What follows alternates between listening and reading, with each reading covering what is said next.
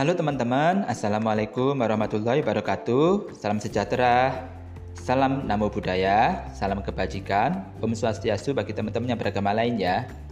Dalam topik tentang business networking kali ini Saya ingin membahas mengenai cara memilih business networking yang tepat bagi kita. Kita shortcut aja ya kata-kata business networking menjadi MLM Sebenarnya gimana sih caranya memilih bisnis MLM yang tepat bagi kita?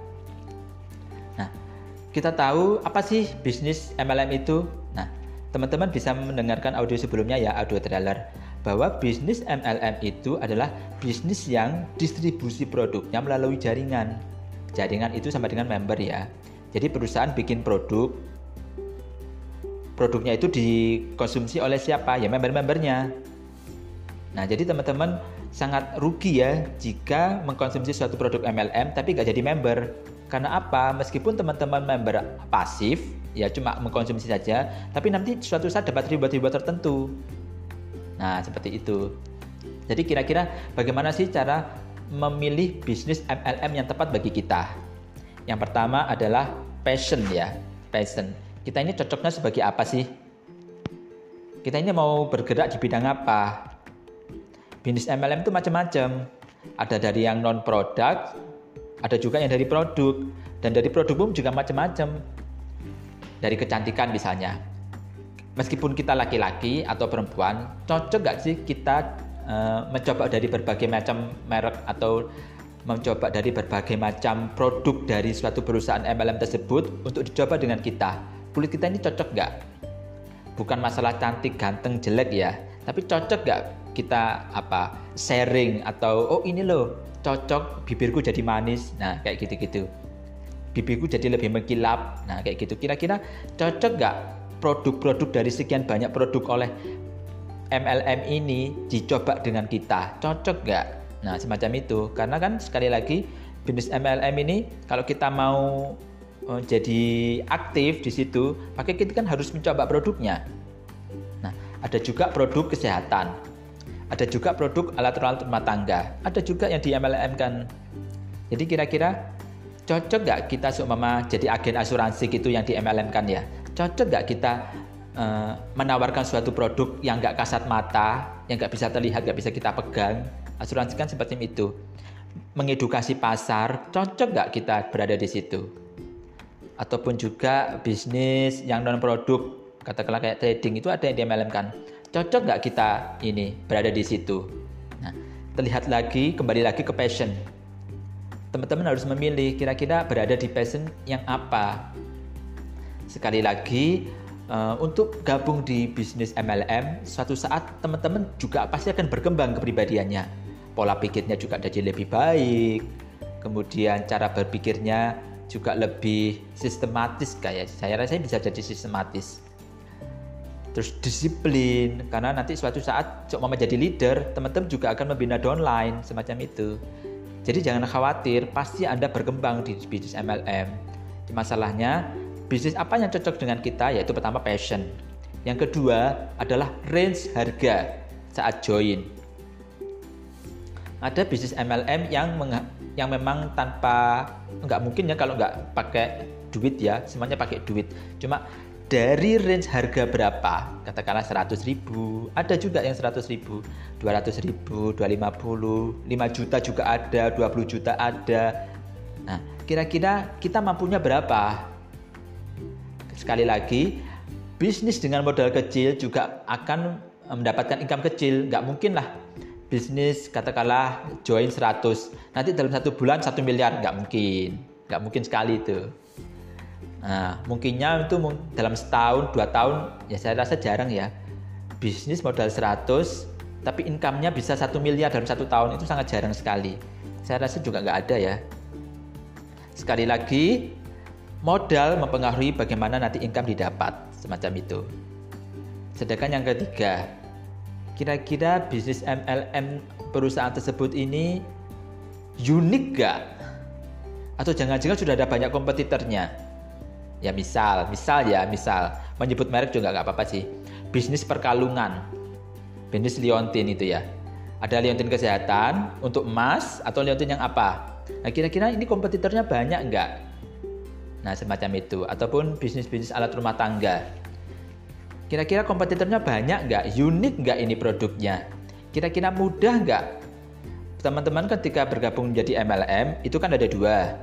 Sebagai pengguna, uh, oh bukan, cara pemasarannya sebagai MLM member aktif. Ya, itu kan ada dua. Penjual atau perekrut. Nah, kira-kira kalau semua di bisnis MLM yang produknya rumah tangga, gampang nggak kira-kira ini jualinnya? Semacam itu. Lalu yang keempat adalah perusahaan ini eh, kira-kira produknya terdaftar di mana? Yang membawahi MLM itu asosiasinya ada dua, AP2LI sama APLI. Itu sama-sama deh. Nah, perusahaan MLM ini terdaftarnya di mana? AP2LI itu APLI. Nah, semacam itu. Dari yang pertama tadi passion, yang kedua range harga, yang ketiga adalah legalitas, legalitas perusahaan, ini resmi atau enggak, abal-abal atau enggak, ya. Terus yang ketiga, yang keempat adalah apa tadi yang keempat terdaftar di mana? AP2LI atau apa atau APLI. Terus yang kelima, perusahaan ini produknya bagaimana? Ya, kalau kita ngomongin produknya bagaimana, berarti harganya bagaimana? Apakah sebanding nggak? Nah, ada kan produk sebenarnya dijual murah seharusnya ya, kulaannya itu murah, tapi dijualnya itu selangit. Itu AP2LI atau ketentuan dari Indonesia itu memang ada apa hitungannya sendiri bahwa bonusnya itu harus 40% untuk diberikan kepada uh, member. Nah, sekarang dari harga jualnya itu kira-kira masuk akal dengan manfaatnya enggak? Nah, itu teman-teman juga harus uh, apa istilahnya memilih apa ya, memiliki insight atau pengetahuan yang luas semacam produk kesehatan. Ini ada uji klinisnya enggak? Ada BPOM-nya enggak? Kira-kira testimoninya bagaimana? Nah, tentu testimoni ini suatu perusahaan bisa membuat Ya membuat ini maksudnya apa ya men-setting ya, uh, mengendorse kayak gitu-gitu, dibuat fake lah. Nah itu teman-teman harus ngerti ini fake atau enggak. Nah setahu saya kalau suatu produk itu dipromosikan oleh artis terkenal, wah pasti endorse. Saya pikirnya begitu, pasti endorse. Nah, teman-teman harus mengerti, ini kira-kira endorse atau benar-benar nyata testimoninya. Nah, itu yang keenam ya. Lalu bagaimana dengan upline? Tentu ketika teman-teman diajak join sama seseorang, kan berarti otomatis kalau join orang tersebut jadi upline kita. Ini genah nggak ini? Ini bagus nggak? Kepribadiannya bagaimana? Bagus nggak? Cocok nggak jadi upline kita? Bukan cuma karena ganteng cantik ya, tapi pemikirannya bagaimana? Jangan-jangan kita di Pulau Soro, jangan-jangan kita jadi sengsara kalau upline-nya dia. Nah, semacam itu. Jadi pastikan dulu upline-nya, bukan sekedar pertemanan loh ya, bukan sekedar pertemanan. Jangan-jangan uh, meskipun teman kita, eh jangan-jangan dia nggak ini, nggak hoki, nggak menghokikan kita, kan nggak enak juga. Itu yang keenam ya. Terus yang ketujuh, ini sistemnya bagaimana? Sistem periwotannya. Apakah untuk mencapai mencapai top level itu diperlukan waktu yang lama nggak? Lima tahun katakanlah. Kan ya sengsara ya. Suatu perusahaan membuat sistem di mana untuk mencapai top level sulit sekali. Ya rugi kita jadi membernya. Ya semacam itu. Kemudian eh, yang terakhir kayaknya ya. Yang terakhir ini support center. Maksudnya support center itu bukan update bukan ya kalau kita mengadu, eh ini loh ada yang undercutting perusahaannya ogah-ogahan ngekat atau istilahnya mendelkon. Kan ya namanya juga perusahaan MLM itu kan harus mengikuti ketentuan pemerintah. Salah satunya contoh berjualan di marketplace. Undercutting itu adalah suatu hal yang nggak boleh dilakukan oleh para member. Nah, perusahaan ini support sistemnya bagus nggak? Jangan-jangan kita yang sudah muru-muru atau istilahnya berbusa-busa jelasin ke member, eh membernya beli di marketplace karena biayanya murah. Lah, rugi kita. Nah, semacam itu. Kira-kira ini integritasnya tinggi nggak eh, perusahaan MLM ini? Dan yang ngomong yang ngomongin support center berarti kan owner, manajemen itu tampil di muka umum. Kita bisa touch, maksudnya touch bukan menyentuh ya, tapi kita bisa menjangkau tanya jawab melalui Zoom. Kalau ada presentasi, oh ini loh orangnya seperti ini. Ya, kita support centernya itu jelas. Kalau kita mengadu, oh ternyata ada member atau upline yang jelek eh, kelakuannya, tingkah lakunya eh, berbicara negatif tentang perusahaan. Nah, kita support sistemnya bagaimana? Bagus atau enggak?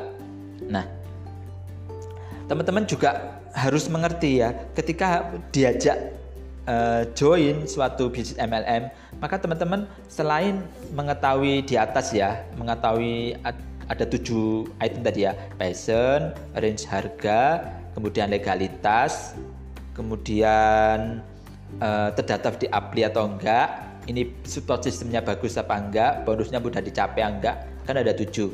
Nah selain itu kira-kira ini halal apa enggak? Nah, ini yang paling penting. Halal apa enggak? Kalau terkait ngomongin halal berarti kan produknya ya, sistemnya juga ya. Kan nggak mungkin uh, bisnis MLM itu menyengsarakan kita sebagai donet. Nah, itu jelas nggak mungkin.